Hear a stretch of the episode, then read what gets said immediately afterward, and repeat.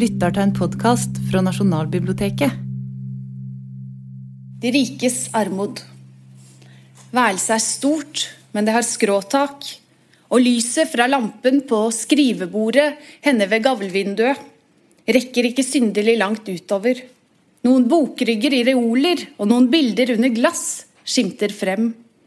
Men nede ved ovnen, hvor de sitter, er det tussmørkt. Knut har dekket på en stol som ryggen er brukket av. Han har bredt et rent håndkle over, til duk, og satt fram spansk landvin og to klossede ølglass. Men der er nøtter og vindruer i en gammel kumme av italiensk fajanse. Dorthea Margrethe sitter i gyngestolen, og han ligger på kne foran henne og snører de våte støvler av hennes føtter. Så henter han hennes røde silkesko fra sin skrivebordsskuff. Sånn, nu er fruen kommet hjem. Er du ikke det? Har du det godt nu? Det har jeg vel når jeg er hjemme. Hun tar om hans hode og kysser ham. Og da han setter seg på gulvet og legger hodet i hennes fang, stryker hun over hans hår og hans ansikt og hans nakke, mens hun spør, enn du? Sitter du godt slik? Han ler og svarer ikke på det, men sier, Jeg ventet sånn, det varte så lenge før du kom, og det var sånt stygt vær. Ja, men du visste jo det, at jeg kom når jeg hadde sagt det. Ja, det visste jeg. For det har ikke hendt enda, har det vel, at jeg ikke har kommet? Nei, sier han og kysser henne sånn og hun bøyer seg ned over hans ansikt og kysser det. Tror du ikke jeg lengtes, da? Men ser du, det kom en dame innom til kaffe. Og hun ble sittende og tøve så lenge, og jeg visste at tante Mikka hadde fire bunker med stilebøker. Og så syntes jeg jeg måtte hjelpe henne. For ellers så hadde jeg kommet til å sitte her i hele aften og synes jeg var ikke snill. Var det ikke riktig at jeg hjalp henne, kanskje? Jo, det var det. Men jeg var litt lei, kan du vite, for den tiden vår, som vi mistet. Ja, men Og hun bøyer seg ned over han igjen og smiler. Jeg kan bli hos deg til sent i aften, Knut. Jeg behøver ikke gå før tolv. Tante Mikka er på møte. Han smiler igjen og legger begge armene om hennes liv, og hun sier sakte. Vi to må være snille mot alle mennesker, ikke sant? For vi er så lykkelige. Ja, det må vi, Dorthea. Og livet er så sørgelig. Jeg syns alle har det vondt uten vi to. Å ja, det er trist det meste, sier han. Men enda er det kanskje ikke så ille som vi tror, du. Jeg tror det er en mer lykke til enn vi vet om. Tenk på oss selv. Vi har vår egen lykke som ingen vet om. Det som de andre kan se av vårt liv, finner de vel neppe på at misunne oss. Og enda så hadde vi, mer enn de andre, allerede den gang, før vi traff hinanden, Knut. Vi hadde arbeidet, både du og jeg, som var den beste del av vårt liv. Kan du egentlig tenke deg hvordan det må være at gå til et arbeide som man ikke bryr seg om?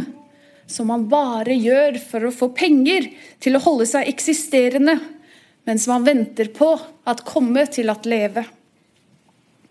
Det er mange som ikke mener annet med at leve enn at eksistere. De er nokså fornøyet når de kan spise litt godt etter arbeidstiden er endt og sitte i en god stol og røke litt og lese litt om kvelden. Eller gå på en kafé og drikke pjolter og snakke med noen kjente. Ikke mange, sier hun heftig. Ikke mange, Knut. Ingen kvinne, tror jeg. Så Mathea-fragmentet. Ja, her kommer du til å dette litt faderlig, kjerring, sa Kåre til sin søster. Først var det et bratt knekk, liksom hult inn. Så oppå en liten dump, og så ble løypen borte mellom trærne. Sporene var nesten bare is. Ja, velkommen etter, sa Kåre og satte utfor. Vekk var han. Mathea ble stående et øyeblikk. Det var ingen i løypen nettopp nå. Hun bøyde hodet bakover og stirret i grantoppene. De sto i solskinn mot det lysende blå, skinnende faste med sine sveke nåle. Mathea tenkte på bøkeskogene der nede, hvor hvert blad var levende for seg i vinden og i solen, liksom så bløte og ettergivende.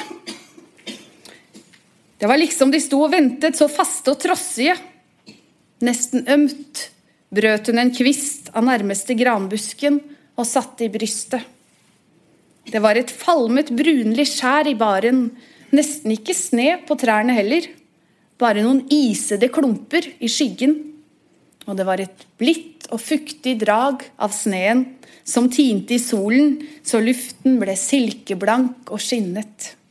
Aldeles vårlig var det. Skitt, sa Mathea, ganske høyt og glad, og gikk utover. Ute på jordet klabbet det litt, og sneen tindret ikke vinterlig i små gnisterstjerner, den var sølvblank ovenpå og våt. Det var mange mennesker på Grøttum, fullt av ski utenfor. Kåre hadde ikke tatt av seg, han sto ved hushjørnet sammen med en annen gutt og drakk brus. Det var Ove. Mathea vinket med den ene hånden og puttet med den annen bystene opp under luen. Bare hun ikke så ut som en flisehaug på håret. Så får vi høre litt om hvordan Mathea har det etter skituren. Så satte hun seg i friserkåpen foran speilet og tok ned håret. Hun ble sittende lenge der. Forsøkte en tre-fire hårfasonger, mønstret seg selv med sine kjølige, grå øyne, og satte det til sist som hun pleide ha det. Ikke spor av pen, kanskje ikke stygg heller, hun visste det utmerket godt selv, at hun var av dem man aldri så på. Håret gikk an, mahognibrunt, nokså pent, når det var strøket opp og flammet litt med tangen og satt i en knute midt oppå issen. Hun var da alltid ordentlig på det, iallfall. Unntagen på ski. Uff, hun hadde sett ut i formiddag. Øyenbrynene var altfor tykke og uregelmessige, og nesen tykk og munnen stor og huden grov. Rødmusset, ikke sånn pent lyserød. Tennene var pene, men hun viste dem lite. Mathea smilte til seg selv et par ganger, men kunne ikke få tennene til å skinne ordentlig frem. Hun var av dem man ikke legger merke til. Ove, for eksempel, visste visst ikke engang hva farve hun hadde på øynene.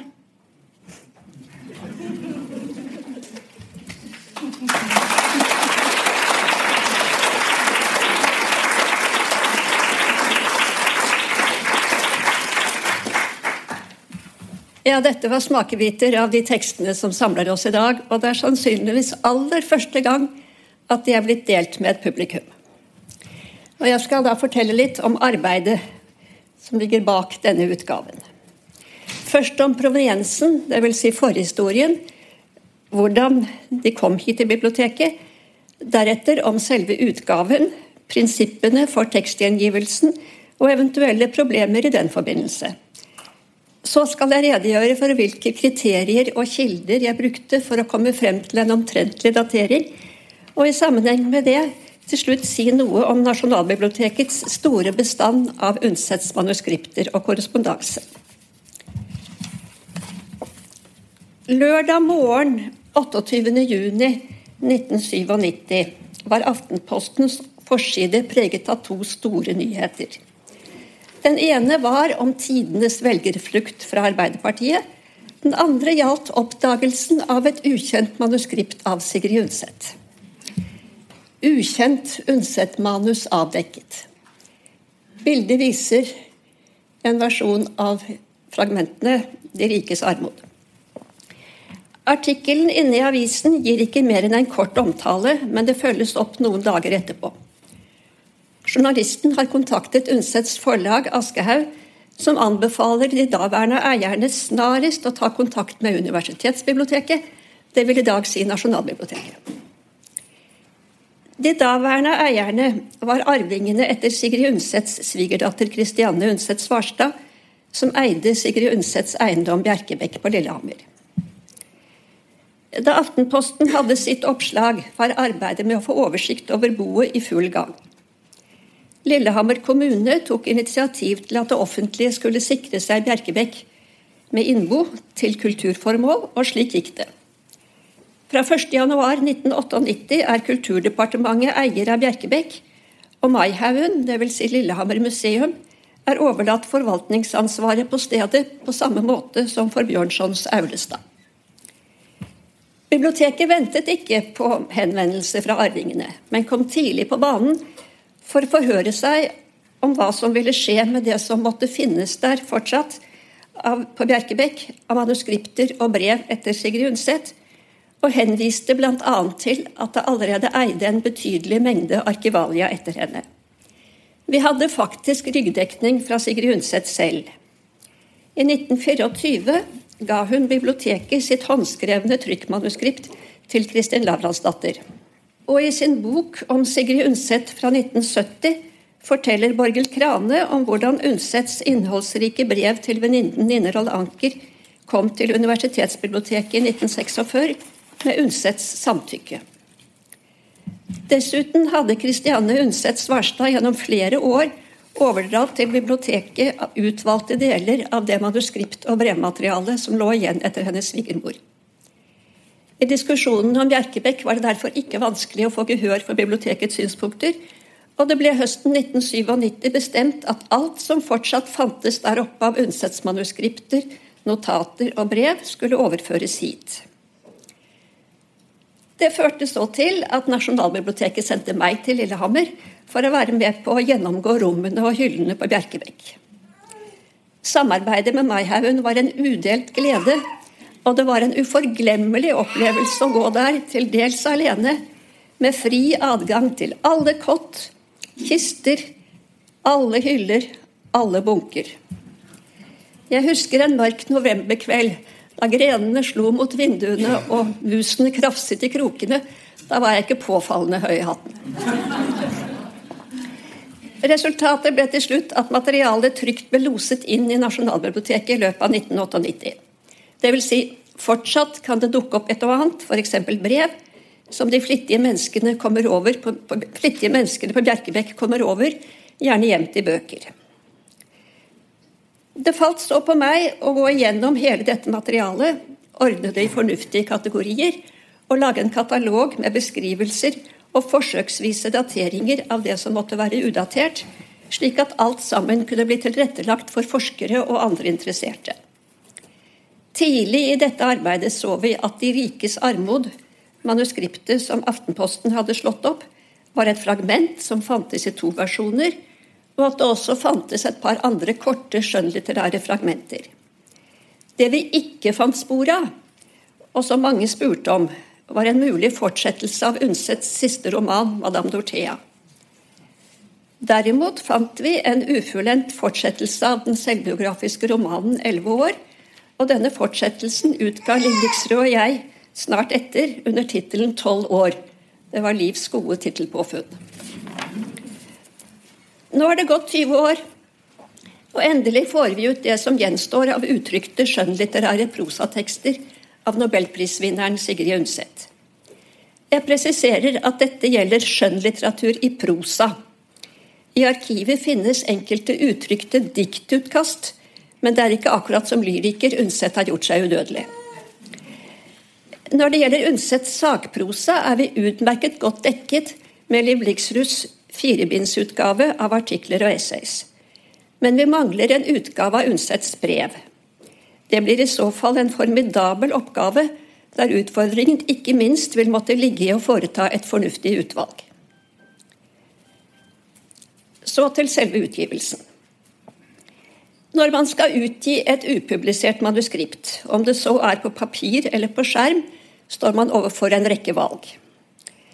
Skal man gjengi det bokstavrett, eller skal man normalisere rette språket?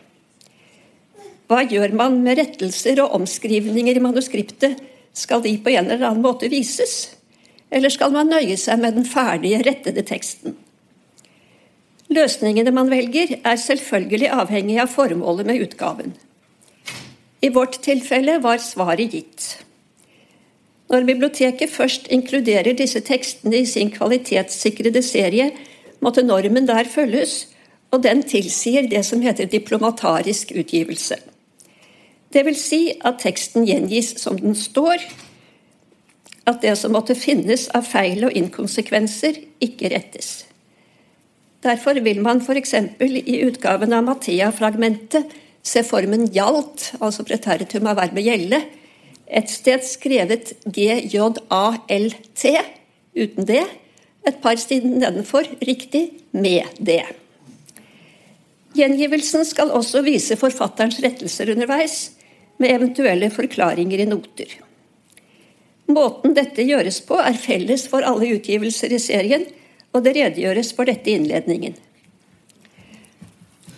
Nasjonalbiblioteket har gående et ambisiøst arbeid med å digitalisere samlingene, og slik gjøre bilder av alle bibliotekets bøker og øvrige dokumenter tilgjengelig på nettet.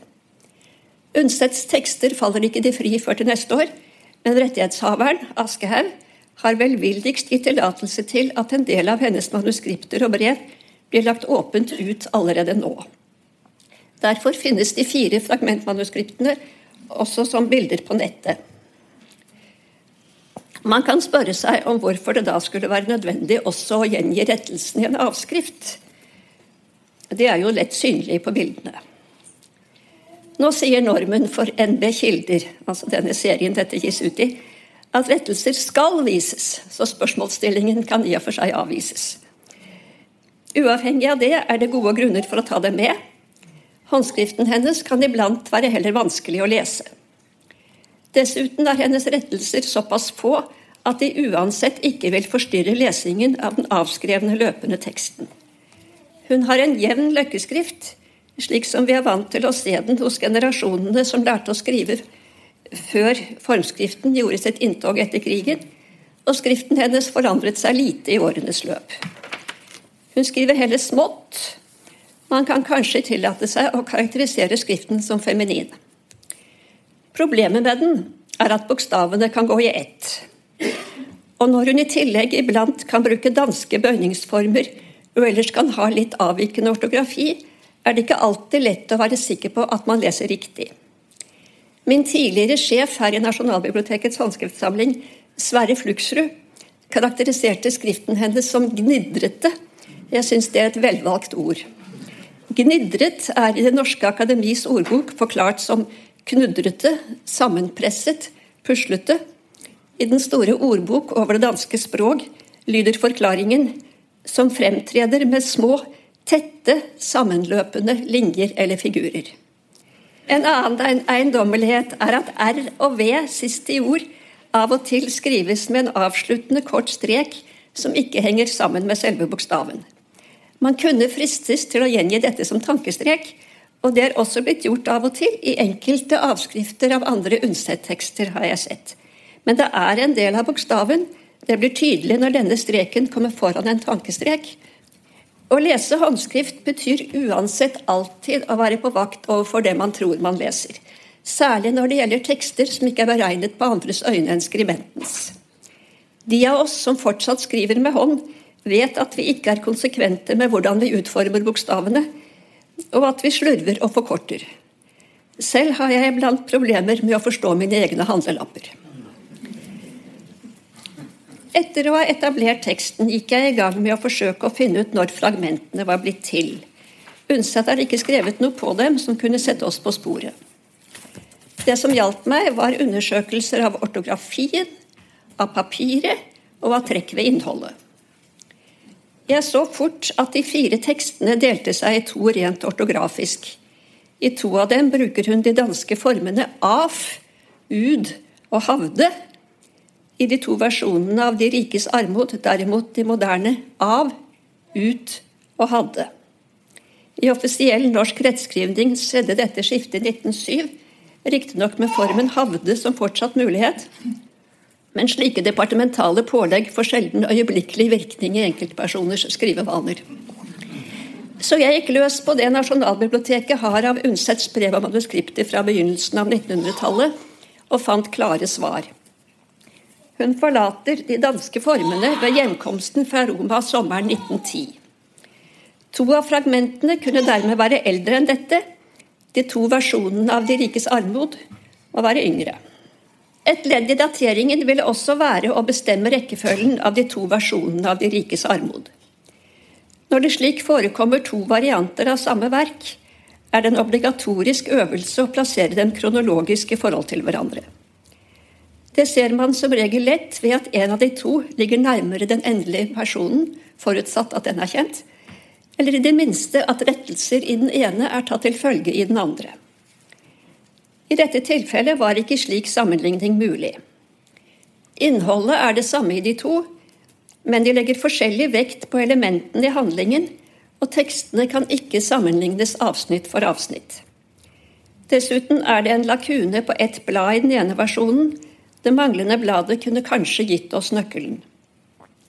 Men de to tekstene er skrevet med samme ortografi og på samme slags papir, og alt peker mot at de er blitt til noenlunde i flukt med hverandre. Jeg så altså også på papiret som tekstene er skrevet på, og fikk treff for tre av fragmentene. Papiret i vårfragmentet er ellers bare brukt i Undsets trykkmanuskript til Den lykkelige alder fra 1908, og papiret i de to versjonene av De rikes armod fant jeg bare i noen brev hun skrev i 1912. Her stemmer altså dateringene med det jeg fant for ortografien. For Mathea-fragmentet var resultatet mer usikkert. Jeg fant samme papir bare i et udatert utkast til et dikt jeg ikke har funnet trygt. Men vi vet at hun skrev dikt på begynnelsen av 1900-tallet, publiserte noen i Samtiden i 1908 og utga sin eneste diktsamling i 1910. Sammen med forekomsten av de omtalte danske språkformene kan dette peke mot en datering senest våren 1910. Da arbeidet så langt hadde ført til at jeg kunne anta at ikke noe av dette var blitt til senere enn ca. 1912, gikk jeg i gang med å pløye gjennom alt Nasjonalbiblioteket har av brev fra Sigrid Undset til og med 1913, for å se om hun skulle ha skrevet om arbeid med disse tekstene. Resultatet ble negativt. Så supplerte jeg med trykte kilder og undersøkte om jeg kunne finne ting som korresponderte med innholdet i fragmentene, og som dermed kunne bidra til datering. Det førte frem, i varierende grad, svakest for vårfragmentet. Her finnes beskrivelser av samtidige damemoter. Etter forslag fra en drakthistoriker pløyde jeg gjennom noen årganger av damebladet Urd. Jeg fikk ingen fulltreffere, men fant heller ikke noe som kunne motsi en datering rundt 1908, som papiret og ortografien skulle tilsi. Mathea-fragmentet åpner, som vi hørte, med en skitur i Sørkedalen. Skildringer av skiturer i Nordmarka finnes det mange av i Undsets tidlige diktning. Vi kjenner dem f.eks. fra En fremmed i Den lykkelige alder fra 1908, og fra diktet Skiturer i hennes diktsamling Ungdom fra 1910. Signe vil lese litt fra dette diktet om litt. Dessuten gir Undset en medrivende beretning om en skitur i de samme traktene i et brev til Nils Collett Fugt fra 1909. Brevet ligger utstilt der nede, riktignok bare med den ene siden av første av fire sider lesbart, men det er et veldig flott brev. Det er påfallende at både Mathias skitur, turen i brevet og i diktet foregår på vårsnø. Det mest overbevisende belegg for riktig datering finnes for de rikes armod. I versjon 1 diskuteres kvinnesak og kvinnesakskvinner i ordelag som minner om Undsets uttrykksmåte i essayet 'Noen kvinnesaksbetraktninger fra høsten 1912'. I den andre versjonen finnes en oversettelse av en passasje fra verket 'Venice Preserved' av den engelske 1600-tallsdramatikeren Thomas Otway. Verken forfatter eller tittel er oppgitt, og det var en kollega på UB Blindern som identifiserte denne Otway-teksten for meg, det var før man kunne finne tekster ved å søke på Google. Så så jeg at Undset i brev fra London høsten 1912 med stor begeistring fremhever dette Otway-verket blant bøker hun nettopp hadde lest. Og alt tyder på at utdraget i, teksten er oversatt av Undset selv, men det var en stor dag da jeg leste et brev hun skrev til Georg Brandes i mai 1913. Jeg har ofte forsøkt å oversette, nå sist Otways Venice Preserved. Hun føyer til men der mangler jeg aldeles evner, så det kan dessverre ikke bli til noe. Oversettelsesarbeidet omtales som noe hun er ferdig med. Så har vi til slutt hvordan alle de tre kriteriene virker sammen og gir grunnlag for en notering av fragmentene fra ca. 1908 til 1912. Det burde fremgå av dette at slikt dateringsarbeid neppe hadde vært mulig uten Nasjonalbibliotekets nær sagt uuttømmelige forråd av norske trykksaker, og ikke minst av den store bestanden av arkivalia etter Undset. Kjernen i denne bestanden er selvfølgelig alt det som kom fra Bjerkebekken 1998. Det er et svært mangfoldig materiale. Det meste, volummessig sett, er nok av nyere dato. Mest plass tar hennes manuskripter og brev fra årene i USA under krigen. Men det var bemerkelsesverdig å se hva hun hadde tatt vare på av tidligere ting fra før hun flyttet til Lillehammer, blant disse våre fire fragmenter. Det kan se ut som hun bevisst ønsket å ta vare på dem. Men som jeg nevnte innledningsvis, har hennes manuskripter og brev ellers kommet til biblioteket over et langt tidsrom og fra forskjellige kilder. Ikke minst har hun sett søstre og deres barn omhyggelig tatt vare på og senere overdratt en rekke viktige brev og manuskripter, også fra den videre familiekrets. Men tilbake til Sigrid Undsets egen korrespondanse. Når det gjelder de brevene hun selv mottok, og som altså inngår i hennes eget privatarkiv, er det ujevnt hva som har overlevd. Noe kan hun selv ha kastet, noe ble destruert i aprildagene 1940, og noe kan rett og slett være kommet bort. Det er derfor sjelden man får del i en fullstendig korrespondanse med fra- og til-brev. F.eks. teller samlingen av hennes brev til Nina Roll Anker 140 stykker ca., men det finnes bare ett brev andre veien fra Anker til Hundset. Likevel er det mye som fortsatt er tilgjengelig. Nasjonalbiblioteket har 1416 registrerte brev til Sigrid Undset. At de er registrert, betyr her i huset at de er ført inn med, i katalogen med dato og navn på avsender og mottaker. For hennes avsendte brev, de brevene hun selv skrev, er det viktig å huske på at de havner hos mottakeren. Det fins derfor Undset-brev i mange andre oppbevaringsinstitusjoner og hos private rundt i verden, avhengig av hvor mottakerens papirer har tatt veien. Dette er noe Nasjonalbiblioteket ikke har tatt mål av seg til å ha fullstendig oversikt over. Også hit til biblioteket kommer brev fra henne som del av mottakerens arkiv, eller de blir overdratt fra eiere. Jeg kan f.eks. nevne at Oskar Bråtens arkiv kom hit så sent som for tre-fire år siden. Og der finnes brev fra Undset, riktignok temmelig innholdsløst, men dog. Man kunne tenkt seg at hun, med fortid som dyktig kontordame, hadde tatt avskrifter eller gjennomslag av i hvert fall noen av brevene hun sendte, men den gang ei. Det ser heller ikke ut til at hun kladdet sine brev. Blant bibliotekets 2376 registrerte brev fra Sigrid Undset finnes bare ett som er identifisert som utkast. Apropos kladder. Ser man på en forfatters skrivevaner ut fra det materialet han har etterlatt seg, kan man ifølge en tysk edisjonsfilolog finne to hovedtyper, nemlig den papirarbeidende og den hodearbeidende skribent. Begrepene er vel nærmest selvforklarende. Den typisk papirarbeidende kladder i vei, prøver ut forskjellige muligheter, flytter rundt, retter og stryker og føyer til. Arne Garborgs manuskripter gir gode eksempler på slikt, denne gang fra et arbeidsmanuskript i hans bok 'Fred'. Den hodearbeidende har derimot tilsynelatende det meste klart inni seg ord, før ordene skrives, skrives, ned, og manuskriptene ser mye penere ut. Sigrid Undset hører vel helst til de hodearbeidende, men bildet er ikke entydig. Våre fire fragmenter er typiske. De inneholder ikke mange rettelser. Det kan se ut som hun har hatt det meste noenlunde ferdig i hodet, men samtidig viser de to versjonene av De rikes armod at hun skrev om igjen. Det samme ser vi i det bevarte manuskriptmaterialet til hennes romaner. Til flere av dem finnes manuskripter til deler av tidligere gjennomskrivninger, og med tekstlige forskjeller fra den versjonen som ble den endelige. Hun har foretatt noen, helst mindre, rettelser underveis, men pennen flyter. Manuskriptene vitner ikke om pauser med grubling og prøving og feiling. Hun har åpenbart hatt behov for å se stoffet nedtegnet på nytt, heller enn å flikke på et eksisterende manuskript. Det etterlater et ryddig inntrykk, men gir ikke samme umiddelbare tilgang til verkets tilblivelsesprosess, slik som vi ser det hos Garborg. Alt i alt håper jeg at vi med publiseringer av disse små fragmentene har gitt forskere og allmennhet nye nyanser til vårt bilde av Undsets tidlige forfatterskap.